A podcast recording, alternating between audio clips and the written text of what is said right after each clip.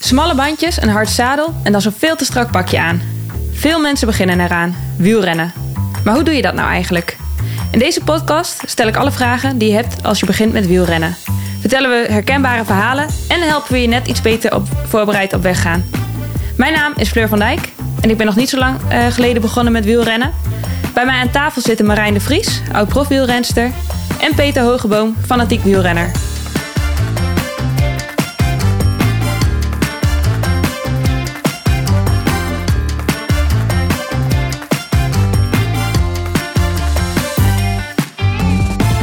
Na twee jaar corona is uh, mijn agenda weer volgestroomd met allerlei activiteiten en evenementen. En zo zie ik ook de agenda van de wielen-events weer volstromen.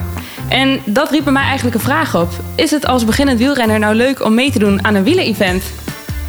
Nou, dat is best wel een goede vraag. Heb jij al eens ergens aan meegedaan? Nou, ik heb ja, meegedaan aan uh, jullie weekend natuurlijk met uh, fietsen met een hele groep. De Ride Along Weekend. En, maar goed, ik weet niet helemaal of dat scharen is onder echt een wieler-event. Um, en of dat vergelijkbaar is met bijvoorbeeld andere events zoals een Amsterdam Gold Race of um, nou ja, noem wat. Je hebt volgens mij ook de Elfsteden uh, tocht ja, uh, op, op de fiets. Ja. ja. En ja, ik hoor best wel veel mensen die daar aan meedoen en ook mensen die nog niet zo heel lang wielrennen. En ik weet zelf eigenlijk niet zo goed. Is dat leuk om daaraan mee te doen? Om ja, daarmee te starten? Is dat een motivatieboost of is dat eigenlijk uh, een, een dag door de hel? nou, sowieso een goede vraag. Ja, ik vond het aan het begin heel leuk om eraan mee te doen. Heb jij er wel eens aan meegedaan, Marijn? Want ik, ik weet het eigenlijk niet. Was jij recrea ja. recreatief fietsen voordat jij... Uh... Ik ben maar heel kort recreatief fietser geweest. Dus ik, maar toen heb ik wel eens meegedaan aan uh, evenementen... maar nooit aan zo'n hele grote. Dus die Amstel Gold Race uh, Tour versie bijvoorbeeld... dat, dat kwam bij mij eigenlijk pas tijdens of na mijn wielencarrière. Dus voor mij is het eigenlijk nog... ja, nieuw zou ik niet willen zeggen, maar... ik heb daar niet een uitgebreide ervaring in. Uh, de Elfstedentocht heb ik bijvoorbeeld nog nooit gefietst. Tenminste niet uh, op de dag dat iedereen de Elfstedentocht fietst. Um, en er zijn eigenlijk heel veel van dat soort toertochten die ik nog nooit gedaan heb. En, maar ik vind het wel, ik vind het altijd heel gezellig. Alleen je moet wel, uh, denk ik, met een bepaalde mindset er naartoe gaan. Um, maar dat verschilt denk ik ook nog weer een beetje of je echt al een ervaren goede fietser bent of dat je onervaren bent. Uh, maar het is met echt gewoon heel veel mensen. Uh, dus daar moet je misschien wel in ieder geval mentaal een beetje op voorbereiden, vind ik altijd. Ja, ik heb altijd uh, aan het begin dat ik op de fiets zat naar dit soort evenementen echt toegeleefd en toegetraind. En dat, dat maakt wel iets dat je een stip aan de horizon hebt waar je naartoe traint. Maar wel altijd met een groep ook, zeg maar. Dus nooit aan dat soort dingen alleen meegedaan.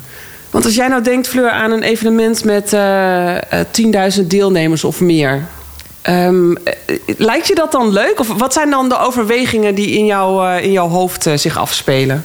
Nou, als ik dat zo hoor, dan krijg ik het nu al warm eigenlijk. Um, en dat heeft puur te maken met... Ja, we komen nu net op dit moment dat we de podcast opnemen... een beetje uit het winterseizoen. En ik moet eerlijk bekennen, ik heb wel gefietst en doorgefietst deze winter. Uh, of in ieder geval de laatste maanden heb ik de fiets weer opgepakt. Ook met wat minder weer. Maar ik fiets nog niet per se heel hard. Dus voor mij is vooral een beetje het dubio dat... Um, ik ben bang dat ik eigenlijk aan het laatst aan de peloton buggel en uh, op driekwart van de route uh, gestorven ben. uh, dus dat is eigenlijk voor mij een, um, nou ja, wel een drempel om mee te doen aan een event. En daarnaast het fietsen in een groot peloton. Um, is nou ja, tot nu toe geen probleem gebleken, maar ik vind het wel, het blijft wel weer even spannend. En zeker als je dat de tijd niet hebt gedaan. En ik kan me voorstellen als er ook beklimmingen in zitten, dat je dan ook denkt: oh jee. Ja, absoluut. Ja, absoluut. Daar had ik nog niet eens aan gedacht. Ja, maar dat is dus inderdaad vaak als je dan bijvoorbeeld over de Amsterdam Gold Race hebt of de Ronde van Vlaanderen. Of uh, ja, er zitten beklimmingen in. En uh, dat is volgens mij wel waar veel uh, beginnende fietsers, trouwens ook ervaren fietsers, zich druk over maken. Ik was bij de Ronde van Vlaanderen en dan is er altijd op de zaterdag daarvoor is de tourversie. En dan heb je die kasseienklimmetjes en die zijn best wel steil en ook smal. Ja, dan moeten heel veel tourfietsers moeten daar van de fiets af. Die moeten lopen. Maar dat is volgens ja. mij ook meteen wel hetgeen waar iedereen het meest bang voor is. Van, oh, als ik maar niet moet lopen. Maar ja, dan moet je lopen en wat dan? Maar wat ik wel heel grappig vond, dat zag ik nu voor het eerst. Wat ze hadden gedaan bijvoorbeeld voor de Koppenberg. Dat is een van de bekende beklimmingen die best wel stijl is en ook heel smal. Hadden ze een soort van uh, groot bord gemaakt waarop stond dat je moest wachten tot je het zijn kreeg dat je mocht gaan rijden. En ik kwam aanfietsen, uh, want ik had ook een stukje gefietst. En toen stonden er al best wel wat mensen te wachten. En toen zag ik ook dat de groep die al had mogen gaan, die was al halverwege. Uh, dus wat ze daarmee willen voorkomen is dat, je, dat iedereen van de fiets af moet. Want dat is wel wel, hè, je wil, wat jij net zegt, je wil anderen ook niet ophouden. Dus er zijn best wel mensen die kunnen goed omhoog fietsen. En die kunnen dat ook helemaal fietsend volbrengen. Ja, die gaan echt uh, hop hop fluitend omhoog. Ja, maar als daar geen ruimte voor is, omdat te veel mensen moeten afstappen, uh, dan is dat vervelend. Dus ik vond het wel heel leuk om te zien hoe ze dat nu uh, aan het reguleren waren. En het werkt ook heel goed. Want toen ik eenmaal mocht fietsen, toen was er inderdaad genoeg ruimte om, uh, om naar boven te fietsen. Nou, dat is wel fijn. natuurlijk weg. Jij reed gewoon als eerste omhoog. Nee, dat valt best wel mee. Ik doe niet, in dat soort dingen doe ik nooit heel raar. Dan, ik probeer me eigenlijk zo onopvallend mogelijk te gedragen. um, maar dat zijn vaak zorgen die je van tevoren hebt, die eigenlijk helemaal niet terecht zijn. Want vaak loopt het gewoon wel los. En hè, ja, wat is ergste dat er kan gebeuren? Ergste is of je moet afstappen of je bent de langzaamste. Hoe erg is dat eigenlijk? Ja, eigenlijk ook niet zo'n probleem. Tenminste, als ik een mooie dag heb, zou ik dat niet zo heel erg vinden. Ja. Nou, ik ben ook van het uh, hardlopen. Daar heb ik al vaker ook aan evenementen meegedaan.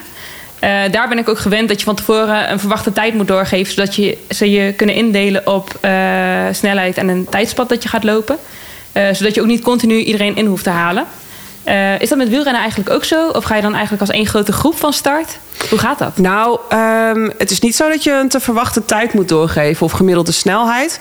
Maar je hebt wel bij die hele grote evenementen dat je verschillende afstanden kunt kiezen. En vaak zie je toch wel dat de minder ervaren fietsers... Dat die, eh, die gaan niet uh, de 260 kilometer fietsen. Niet? Dus die kiezen... ja, je weet het niet. Dus die kiezen dan voor, de, weet ik niet, 60 of 80 of 100. Uh, en daar zie je vaak al wel een beetje de uitfiltering. Dus ja. de echte hele snelle fietsers die door willen rijden... die starten s ochtends midden in de nacht om die 260 kilometer... met een gemiddelde van 184 per uur te fietsen. en die gaan er ook als een maloot vandoor.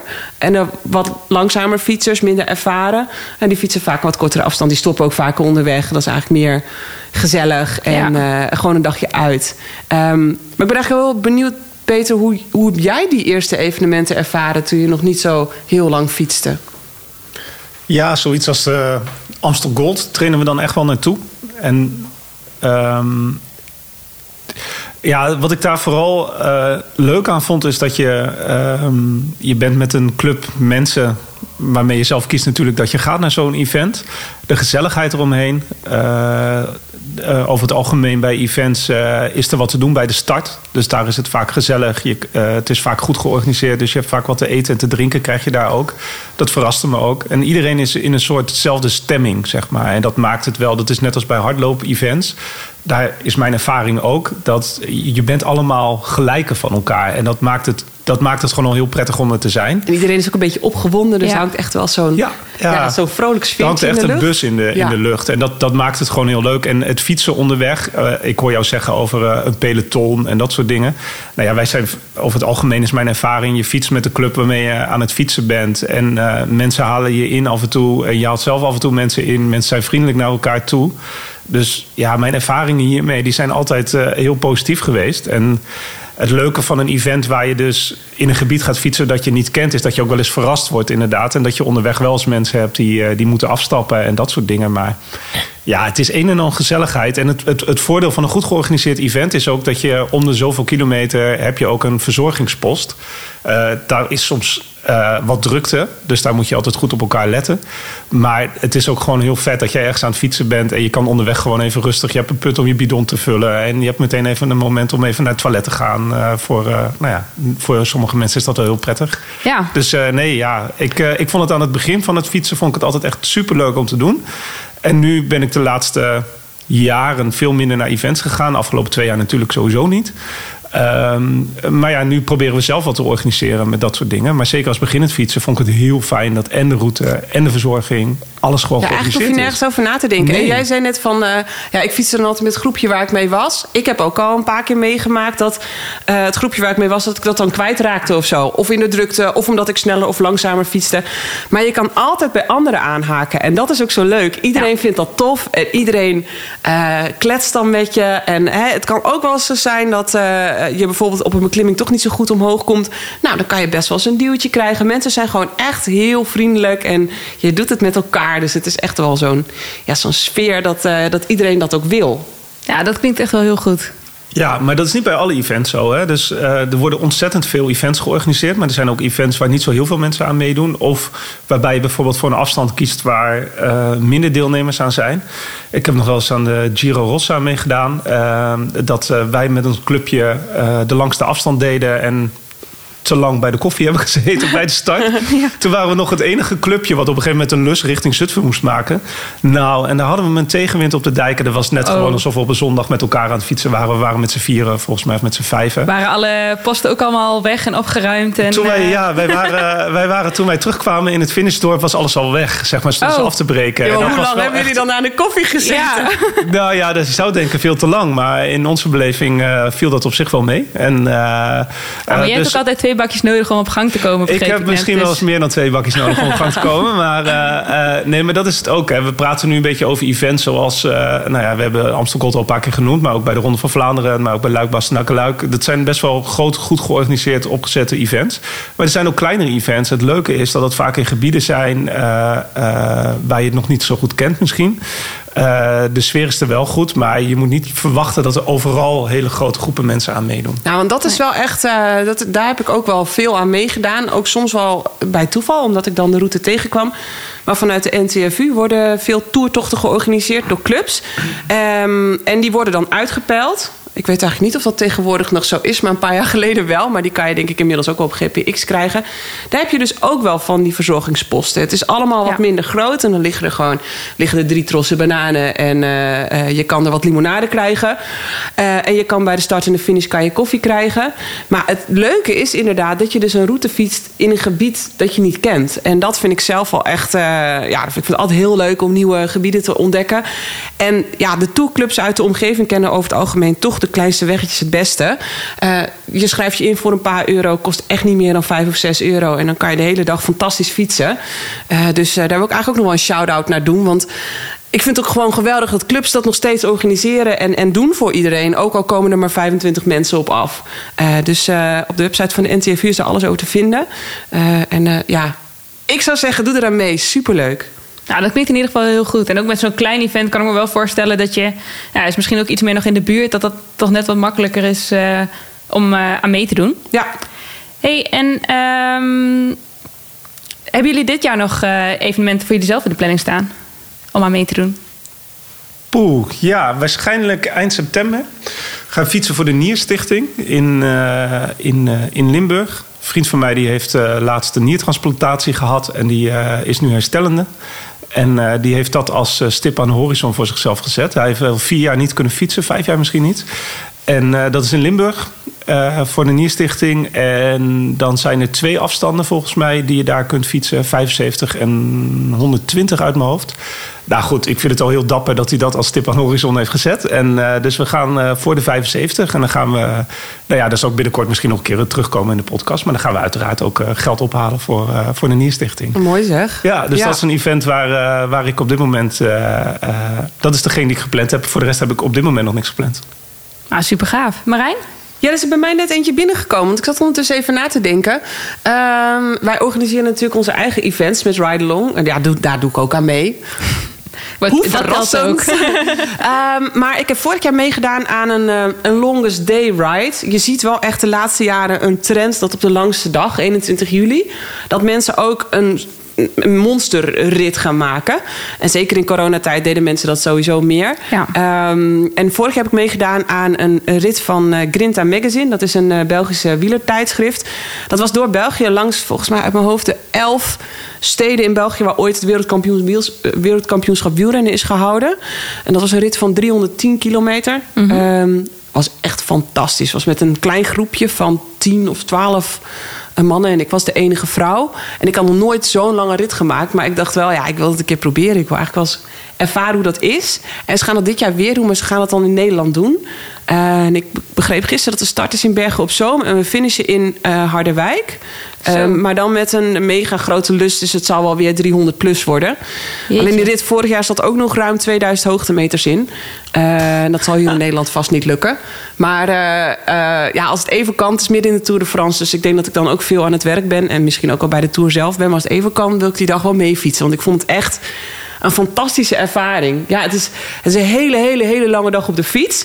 Maar het is ook echt een, een super gaaf avontuur. En eigenlijk vind ik dat heel vaak ook wel bij dat soort dingen. Het avontuurlijke trekt me dan heel erg. Ja, dat geloof ik wel. Ik moet wel zeggen dat meer dan 300 kilometer klinkt voor mij nu echt als onmogelijk. Ja, het is dus niet onmogelijk. Eigenlijk als je gewoon redelijk goed getraind bent... moet je instellen op een hele lange dag op de fiets. Uh, ja. En ervan uitgaan dat het heel lang gaat duren. En ja, ik vond uit, uiteindelijk achteraf gezien... vond ik het vond ik nog wel een beetje meevallen. Ik heb daar straks trouwens nog een anekdote over als het mag. Jazeker, ik ben heel benieuwd. hey, en um, je had het net over de Nierstichting, uh, het event waar je aan mee gaat fietsen. Of voor het goede doel in ieder geval. Mm -hmm. Nu kan ik me herinneren dat jij ook een keer hebt meegedaan aan Alpe 6. ik was er al voor. ja. ja, Alpe 6. Ja, dat was, uh, dat was toen nog aan de begintijd van dat event. En dat was volgens mij het derde of vierde jaar. Toen zijn ze naar twee dagen gegaan. En wij deden vanuit het werk mee, vanuit uh, uh, de hogeschool. En um, ik had nog niet zo lang een racefiets. En toen zeiden ze van dat gaan we doen. Toen dacht ik, nou ja, leuk. Ik had nog nooit geklommen. Ik wist echt niet waar ik aan begon. En als je daar nu aan terugdenkt, dan denk ik: wat heb ik in vredesnaam daar uh, gedaan? Ik, uh, de dag dat, ik, uh, dat we moesten fietsen, toen zei iemand tegen mij: heb je wel eens afgedaald? Nou ja, goed, ik ben wel eens een bult afgereden. Dus ik dacht: ja, ik heb wel eens afgedaald. In de Alpen. Ja, bult ja, afrijden. Nee, ja, goed. En toen werd er dus mij, tegen mij verteld: van joh, weet je dat als je te lang je remmen indrukt, dat je kans hebt dat, dat je band klapt. Nou, dat moet je vertellen voordat iemand de Alp voor het eerst gaat afdalen. Nou, ik zat trillend op de fiets. En ik had helemaal geen kleding bij me voor de. Ik had gewoon een korte broek en uh, korte mouwtjes. En wij moesten s ochtends vroeg starten. En toen zei iemand tegen mij van, joh, hoe doe je dat in de afdaling? Ja, hoezo doe ik dat in de afdaling? Ja, dat is veel te koud voor jou in de afdaling. Dus ik weet nog wel, uh, dat is echt gênant. Het staat nog wel op foto's, die heb ik nog wel ergens. Maar ik had dus op een gegeven moment mijn vest nog maar uit mijn tas getrokken. Dus ik had zo'n vest met een hoodie op en die had ik aan mijn stuur geknoopt. En dus ik reed uh, naar beneden in de afdaling met een, uh, met een vest aan.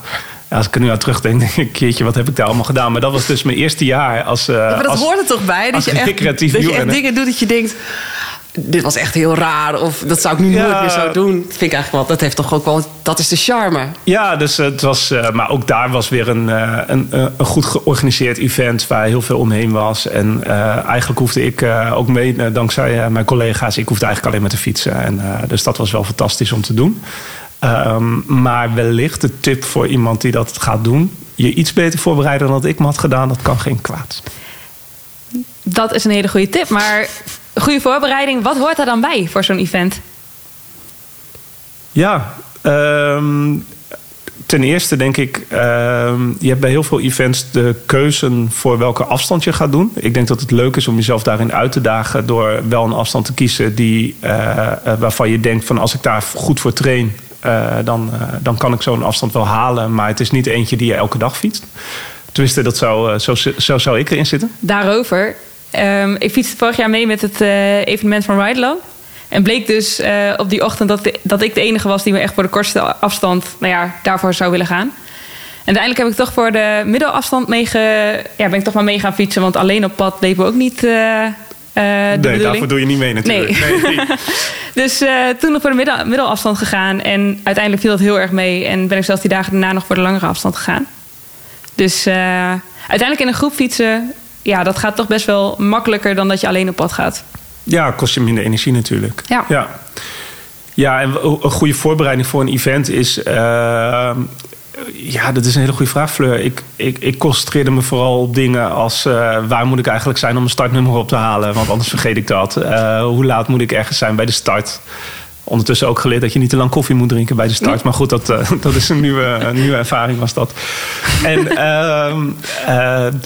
ja, meer dat soort dingen. Zeker bij een goed georganiseerd evenement krijg je zoveel informatie van tevoren dat je eigenlijk, het eigenlijk niet mis kan gaan. En uh, ik zou wel, weet je, zo'n event doe je mee omdat je wil genieten van zo'n dag. Uh, ik zou er wel naartoe trainen. En dat betekent dat je daar wel rekening mee houdt dat je, dat je wel wat vaker al wat langere afstanden op de fiets gezeten hebt. En uh, uh, dat je niet een, een, een, een, hele vervelende dag hebt op de fiets, omdat je je veel te, te hoog hebt ingeschat. Dat ja. is wel waar. Dat is wat wij ook vaak tegen onze deelnemers zeggen. Uh, je, je, hoeft in principe niet super getraind te zijn om mee te doen aan onze evenementen. En überhaupt niet aan een evenement. Maar je doet jezelf wel een groot plezier als je wel wat getrainder bent. Omdat je dan makkelijker fietst. En dan kan je er ook meer van genieten. Kijk, uiteindelijk ben je vaak na een evenement toch wel dood aan het einde van de dag. Maar uh, er is nog wel een verschil tussen dood en uh, dood plus plus. Ja. en dat laatste, ja, weet je, dan heb je gewoon in het tweede deel van de dag heb je gewoon echt geen plezier meer. En uh, nee. Is best wel zonde, want het is vaak iets heel leuks waar je toch eigenlijk van zou moeten genieten. Dus, uh... Ja, en de voorbereiding, daarin zit natuurlijk ook een weersvoorspelling in de gaten houden. Maar dat doe je ook op het moment dat je zelf gaat fietsen. En uh, hierop aanhakend wat Marijn zegt. We hebben één keer de Amstel Gold gefietst. Dat was één grote watergordijn. Het bleef maar regenen. Oh, wow. Daar je... was ik ook. oh man, toen was ik 21 weken zwanger en ik moest. Ah, Frank die zei toen... Nou, we gaan lekker samen fietsen. En we hadden toen ook een evenement niet van onszelf. Sorry dat ik je onderbreek, maar ik krijg ineens een soort van, van horror flashback. uh, en wij zouden, wij zouden samen wat begeleiden.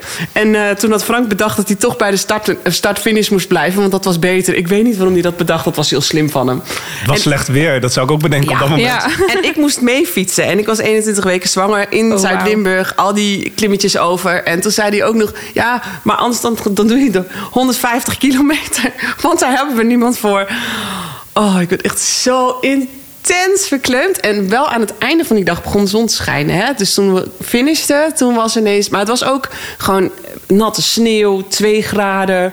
Oh, wow. Oh, ik heb me toen zo intens ellendig gevoeld. Um, maar ga verder, Peter. Ja, jij niet alleen, denk ik. Ja, dat was ontzettend. En dat maakt, ook, dat maakt ook weer dat je het met z'n allen doet. Dus iedereen kijkt elkaar aan van waar zijn we hier in vredesnaam mee bezig. Ja, het bindt wel. Het bindt zeker. En um, uh, wat ik daarvan wilde zeggen is dan... ja, dan kan je alsnog goed gekleed en goed voorbereid op pad gaan. Maar dan, dan nog, dan Oh, verschrikkelijk. Ook die verzorgingsposten. Dan loop je zo'n weiland in en je, je, je wielerschoenen zakken gewoon weg in de, in de modder. En het, oh, en als je helemaal natte voeten hebt en daarna weer moet fietsen, dat lijkt me zo koud. Dat is verschrikkelijk. Ja. En nou ik weet ja, je wel wordt dat uiteindelijk wel weer warm vanzelf, maar het is gewoon echt.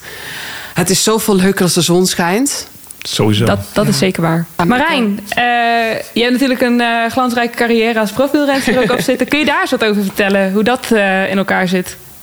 Met ja, events? Ja, nou ja, ja je, je, zou een etappekoers ook een event kunnen noemen. Oh, en ik weet echt nog heel goed. Toen uh, was het eerste jaar dat ik op het hoogste niveau koerste... voor de ploeg van van Morsel. Toen had ik uh, een paar ploeggenoten, die werkten er ook bij. En eentje die, uh, die was aan het promoveren. farmacie had zij gestudeerd. En toen reden we de grootste etappekoers op dat moment... voor vrouwen in Zuid-Frankrijk. En ehm, op een avond, ik was echt, voor mij was het ook echt een soort van achtbaan waar ik in beland was. En ik was zo ontzettend naar de kloten elke dag. Dus ik lag zo van, soort van lang uit, lag ik ergens, probeerde ik te herstellen. En toen werd zij gebeld s'avonds. En volgens mij waren we, zaten we nog aan tafel of zo. En ze nam toen de telefoon op. En ik weet nog zo goed dat ze zei: Ja, nou ja, ja ik ben namelijk even op fietsvakantie. En ik dacht echt. What the fuck, fietsvakantie? Wauw. We zijn gewoon op het hoogste niveau aan het koersen. Fietsvakantie. Um, is ook een manier om het te, eh, te noemen. Ja, dat, dat kan. Ja, nou, ik moest daar heel erg om lachen.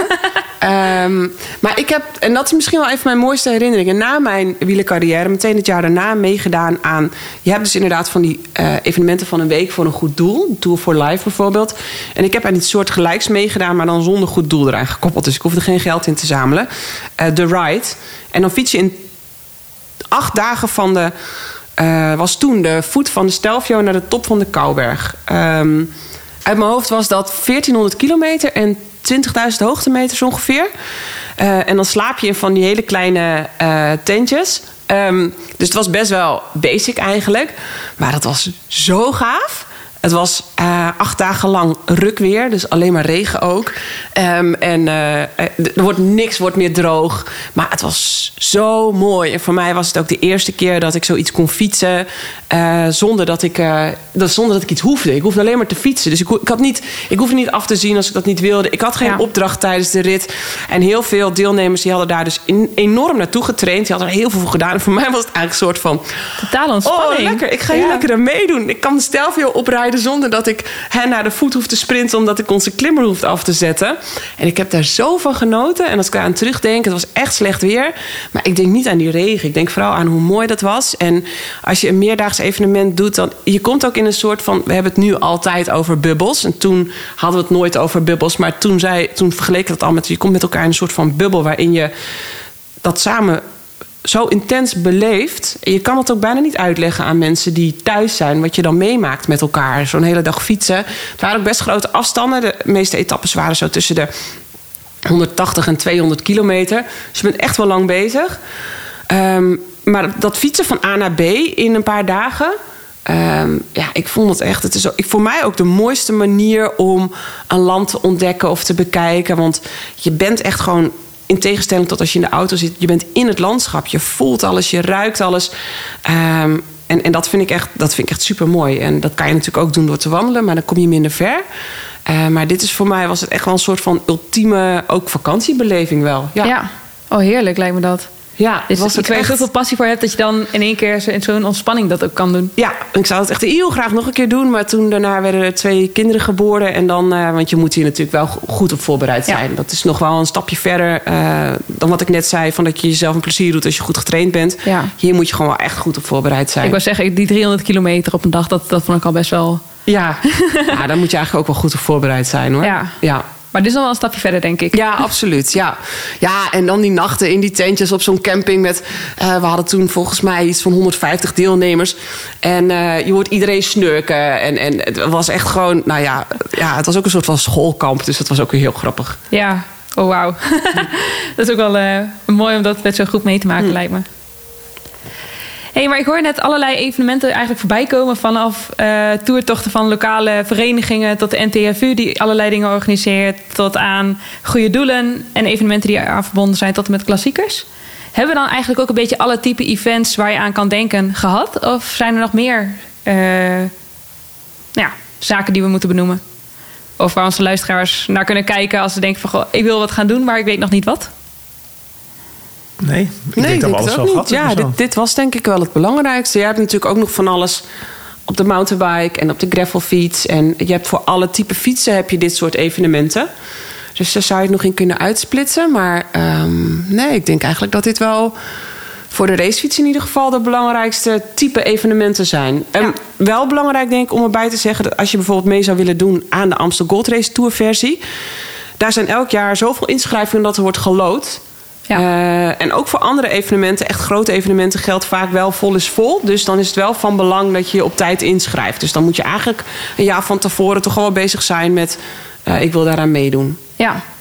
Ja, precies. Dat, uh, wel geliefde events in ieder geval. Ja. Maar wel grappig dat je dat zegt, want ik zie van Gravel inderdaad ook steeds meer opkomen dat er zaken voor worden georganiseerd.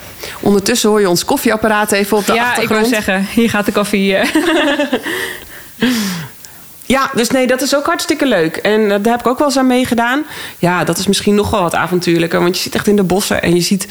Uh, uh, zeker als je ook in het bos slaapt met, met een tentje... je ziet eigenlijk helemaal geen andere mensen. En je hebt dan wel echt het gevoel dat je even helemaal weg bent. Ja, dat dat nog kan in Nederland, hè? Ja, het kan dus gewoon echt op de Veluwe of zo. Ja, fantastisch. Ja, ja ontzettend leuk. En Peter, jij zit ook wel regelmatig op de gravelfiets, of niet?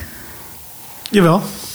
Maar heb jij nog daar iets voor op de planning staan of uh, dat verder nog niet? Nee, eigenlijk is het enige wat ik heb gepland wat ik net vertelde in september. En uh, tenminste ja. als event, zeg maar. En uh, zelf mag ik dit jaar voor het eerst de Mont Ventoux gaan beklimmen. Dus daar kijk ik ook voor het ontzettend eerst? naar uit. Ja. Oh, superleuk. Ja, dus we gaan met een clubje en dan drie keer op één dag. Want ik heb me laten informeren dat er drie routes naar boven ja. zijn. Dus, nou de Singlé heet dat, hè? Uh, ja, jij zegt het, ik zou het niet weten. Ja, dan, uh, kom je, dan krijg je dus uh, een, een, brevetje. En dan hoor je bij de vermaarde club van de mensen die de Singlé hebben voltooid. In één dag van drie verschillende kanten omhoog. Oh, cool. Oh, ja. Nou, dat, dat had ik niet eens gerealiseerd. Nee, ik, ik ga gewoon mee met, met mensen die zeggen van dat is vet. En dan denk ik, oh ja, leuk. Dus dat gaan we doen. Maar je gaat daar toch ook, hoop ik, wel een beetje in de omgeving fietsen. Hè? Niet alleen de Mont Ventoux op. Dat hoop ik wel, ja. Ja, ja we gaan niet één dag heen en weer. Dat was niet helemaal de bedoeling. Tenminste, dat, uh, maar dit vind ik wel trouwens. Ik, nou, ik weet niet of het typisch Nederlands is. Maar in Nederland hoor je altijd um, wielrenners praten over. Ja, ik heb die en die berg beklommen. Of inderdaad drie keer de Mont Ventoux. Of de Alpe d'Huez. Um, en dat is natuurlijk mooi en heroïs. En tof om te doen en naartoe te trainen. Maar ik vind vaak uh, gewoon een rondje fietsen. Met niet zo'n heftige beklimming erin veel leuker. En bijvoorbeeld de Mont Ventoux. Ik ken best wel veel mensen die gaan er dan naartoe... en die rijden alleen die Mont Ventoux op en neer. Terwijl, oh, het is daar zo mooi.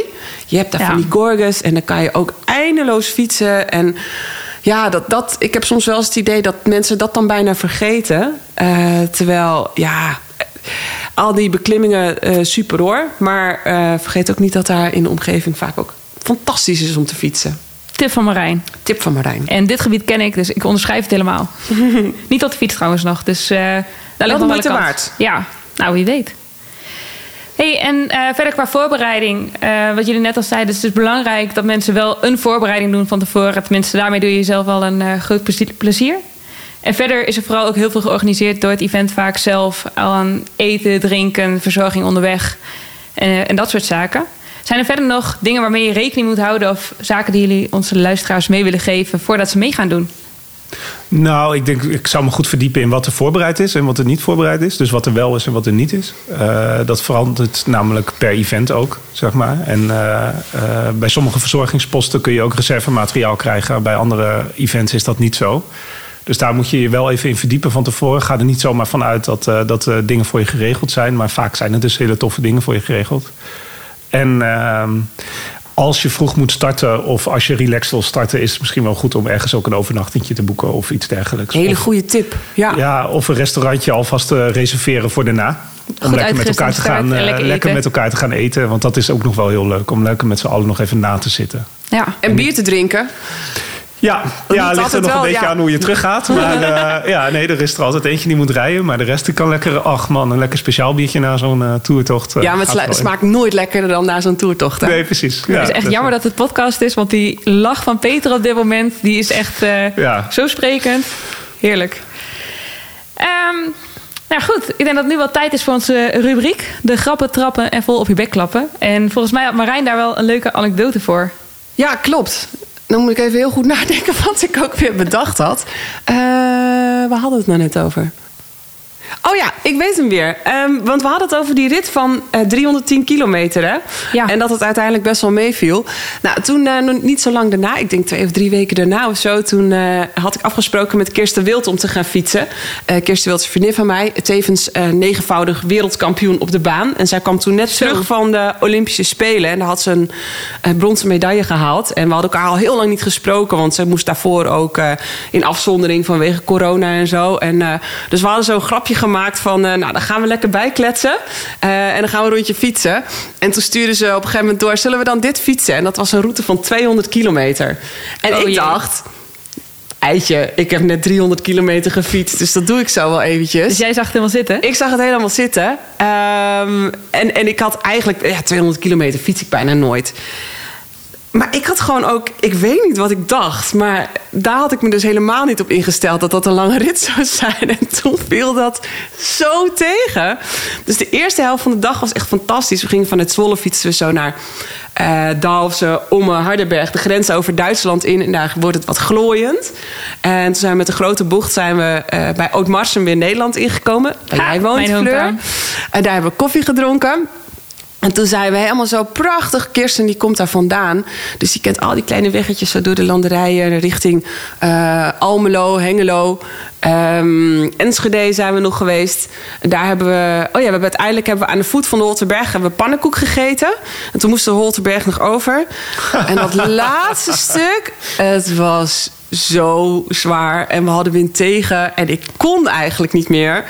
Maar ik dacht ook van, nou ja... Hè, uh, maar wat me vooral zo tegenviel... had ik ook dus niet goed over nagedacht. Die rit van 300 kilometer fietsten we in een groep. Dus dan kan je heel vaak, of bijna altijd... kan je, zeker als vrouw... Uh, willen ze eigenlijk ook liever niet dat je op kop fietst. Dus ik zat heel veel in het wiel. Maar als je met z'n tweeën bent... dan fiets je eigenlijk altijd dus op kop. Dus je Ja. fietst gewoon continu uh, met je neus in de wind. En op een gegeven moment zei ik tegen Kirsten... ik zei, ja, sorry, maar nou, toen heb ik dus het laatste stuk.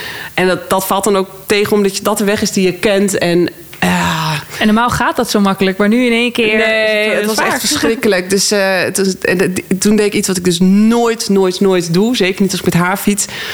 In de wiel gaan zitten. En toen ging Kirsten nog even brommeren. En uh, uiteindelijk kwamen we toen nog best wel snel in Zwolle. Maar ik kon echt geen pap meer zeggen.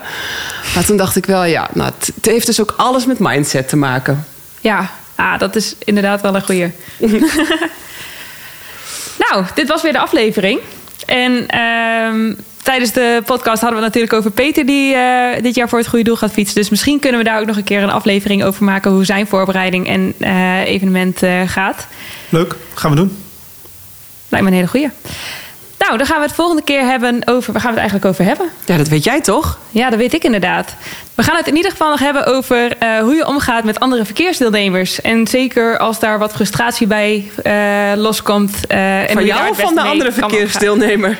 Nou, ik ben niet zo heel snel gefrustreerd. Dus nee. dat gaat. Oh, okay. zal, nou ja, het zal, ik wil zeggen, het zal niet aan mij liggen. Maar als anderen hm. gefrustreerd zijn, dan, dan ben ik natuurlijk ook altijd een rol in. Je gooit maar, niet zo snel je bidon achter een auto aan? Nee, dat, okay. dat zie je mij niet zo snel doen. Okay. Ik hoor nu al dat er genoeg is om over te praten, Peter. Dat was wel leuk. Als je nou vragen hebt over fietsen, beginnen met fietsen of alles wat ermee te maken heeft, dan kan je ons dat natuurlijk stellen via de socials en Fleur. Um, en dan gaan wij er antwoord op geven, toch? Ja, heel graag. En ga jij nog een leuk event fietsen dit jaar? Laat het ons ook weten. Vinden we ook leuk om te weten, want wij weten ook niet alle events die er zijn. Dus nee. misschien inspireer je ons nog. Tips zijn bij deze voor mij echt van harte welkom. En dan zetten we ze ook even in de show notes, zodat iedereen ze kan lezen. Hartstikke leuk. Nou, tot de volgende keer. Doei. Doei.